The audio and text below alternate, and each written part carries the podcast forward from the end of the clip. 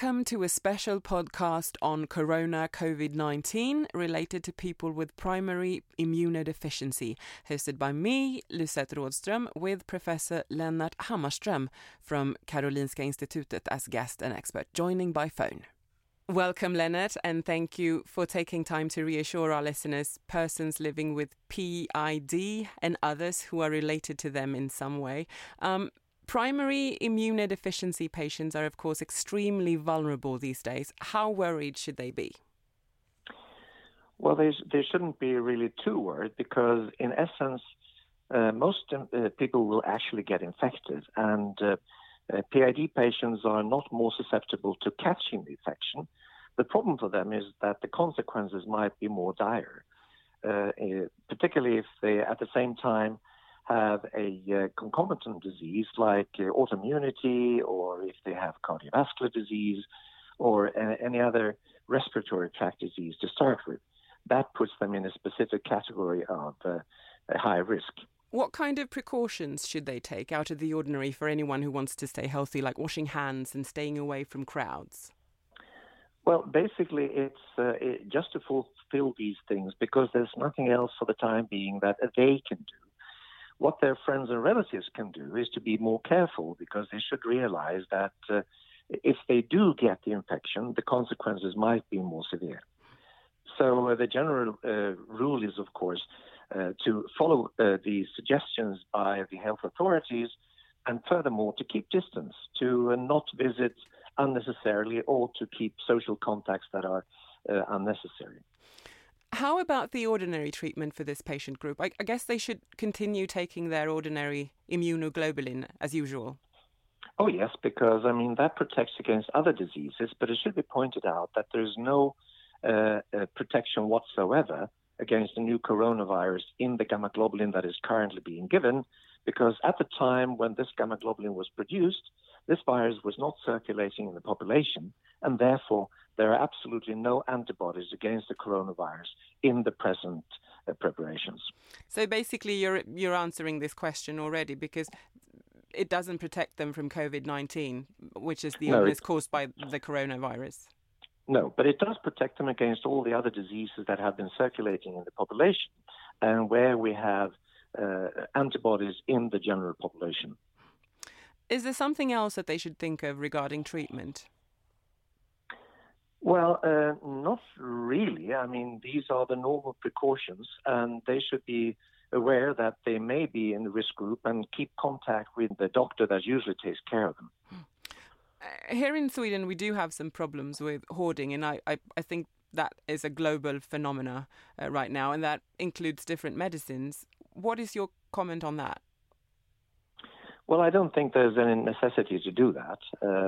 And uh, there's nothing really we can do. The gamma globulins will be there for, for them, and other forms of treatment uh, like antibiotics will be there, and the authorities will make sure that it will be there. Uh, one uh, cloud uh, on the horizon is that much of the uh, raw penicillin and stuff that is being used to process antibiotics and make the special forms of antibiotics that we have is being made in China, and there has been a hiccup in the production of those. But I think that will be overcome now when the disease uh, is uh, limited in, in China and they're going back to production. Might there be a time, you think, when the pharmaceutical companies will have problem collecting plasma to fulfill the needs? Well, the, uh, I hope that the plasma collection uh, is uh, should be running as normal, and I hope that uh, people who have recovered from the disease uh, will be more than willing to continue to donate, and there should not be any stop in the production or the collection of plasma. And with time, uh, the gamma globulin, the ordinary gamma globulin, will contain antibodies against this virus, but it will take another one or two, maybe three years before we have enough of those. So, in the short run, what some of the companies are currently trying to do is to make a hyperimmune globulin production uh, product, which is, of course, taken from patients who have recovered, what we refer to as convalescent sera, and process that because that contains the antibodies that you need to combat the, the virus. What about the infection risks? Are persons with PID more, sus- more susceptible of new viruses, you say? No, they're not really more susceptible. Uh, this virus will infect everybody and anybody.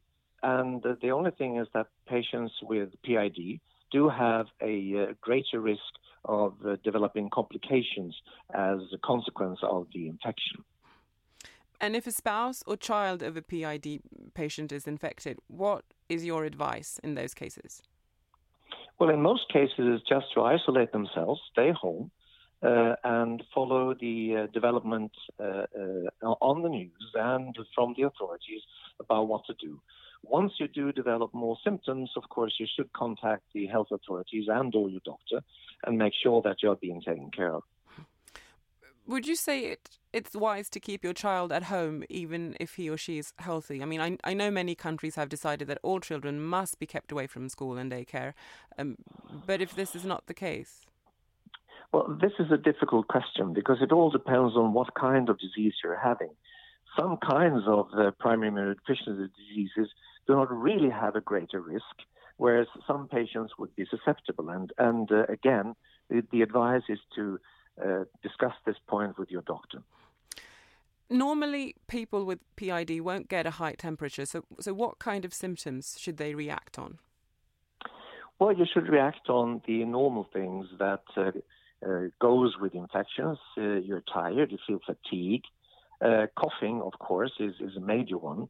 But also in this coronavirus case, there's diarrhea because the receptor that the virus binds to is also present in the gastrointestinal tract. Uh, so any of those uh, sort of ordinary, perhaps minor uh, symptoms should be uh, uh, taken with uh, care, and you should that if you do have a severe case of any of those. When is it time to try to do a corona test? Well, according to my humble opinion, any time, because I, I think that testing is the most important thing you can do because uh, without being tested, you don't know what you're having. And uh, also, I think that more widespread testing would be valuable because many of those infected, uh, they're not sick. Uh, they're just spreading the disease. And if you do test them and you can show that this is coronavirus, that will make them more eager to follow these suggestions by the authorities to isolate themselves because otherwise, if you feel perfectly healthy, what would be the point in, in uh, isolating yourself for two or three weeks? It's not always easy to get a test. Sometimes it's very restricted. Is is it something that that PID patients can demand to get? Uh, no, you cannot really demand it because uh, what the authorities, at least here in Sweden, have said that is only for those severe cases and those who are in hospital that will be tested. But my view, as I stated, would be that I think that more widespread testing would be valuable, and that is what we and others are working for to sway the opinion so we'll have more testing. Take the example of South Korea, where there was mass testing and where the epidemic now is curbed, which is mainly due to the fact that they could isolate and find anybody who was infected and keep them in quarantine. I think the same thing could and should have been done uh, in Sweden. Why do you think that is? Why don't we test people to that extent?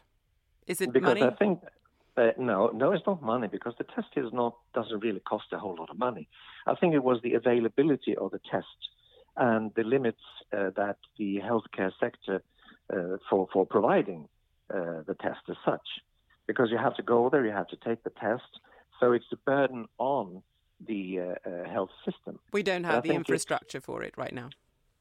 We have the infrastructure, but it's not enough because this is going to be overwhelming. We're going, we're talking about tens of thousands of patients that would be, or individuals that would have to be tested, and for the time being, uh, that is not in place. I do know, though, uh, that is ongoing, and uh, we will theoretically have the capacity to do that uh, within the next few days or weeks. Uh, the matter is whether that is going to be uh, implemented by the authorities. It will be interesting to see, but I mean, because one day we will be out of this and it's time to look at the future and there will be more viruses like that and we have to it's it's going to be interesting to see um, the sort of evaluation and what we're going to do for next time and maybe testing is not such a bad idea for, for next time, if you understand what I mean. Yes, I, I think that is uh, what will be the conclusion, uh, but we're not quite there yet. Yeah. And if you do get infected, what as a PID patient, what's most important? Stay home, stay away, uh, and uh, uh, limit social contacts to a minimum. And do keep in touch with your doctor or the healthcare authorities if your uh, symptoms deteriorate. Right. Once this worst crisis is over, there will be a vaccine available one day in a year or so. Is that maybe, maybe, maybe, maybe, hopefully, because it, it well, it, it should be realized that in the SARS epidemic in 2003, there were uh, very many uh, people working on trying to make a vaccine, and still 17 years later, we don't have one. Ah, I see. So let us dream for a bit. Um, should this? Well, I hope because this this is this is the best thing. Yeah. So I do hope they will be uh, it will be possible to develop it. But meanwhile, we shouldn't disregard the possibilities of antiviral drugs, which are currently being tested large scale, and or good old-fashioned passive immunity, where you provide uh, antibodies to combat the virus as a prophylaxis or as a treatment uh, in the early stages of the disease. Right, right. So, so there is hope, at least. I think is what There's, you. there, there's definitely hope. And should we come to a day where we actually have a vaccine? And I know this is pure speculation, but would PID patients be able to take such a vaccine? Well, this is a difficult question because uh, we don't know. I mean, this is the question that relates also to the ordinary flu vaccine for prim- primary immunodeficiency patients. Uh, and uh, the consensus for the time being that as long as it doesn't hurt, take it because it might do some benefit. But we don't have markers to say that yes, you're going to be protected, and no, you're not going to be protected. So it's it's just taking chance. If it doesn't hurt you, take it. Right. As always, we have to rely on science and scientific research, but let's also hope that people can be nice to one another and take care of each other in these terrible times. Who knows? There might come something good out of this too. We might learn that nature is a force we need to respect more and not always conquer very easily. Lennart, thank you very much for taking the time. You're welcome. And if this develops in such a way that we should return with a new episode on the same topic, then of course we do. Thank you so much for listening, and thank you to CSL Behring for enabling us to produce the podcast.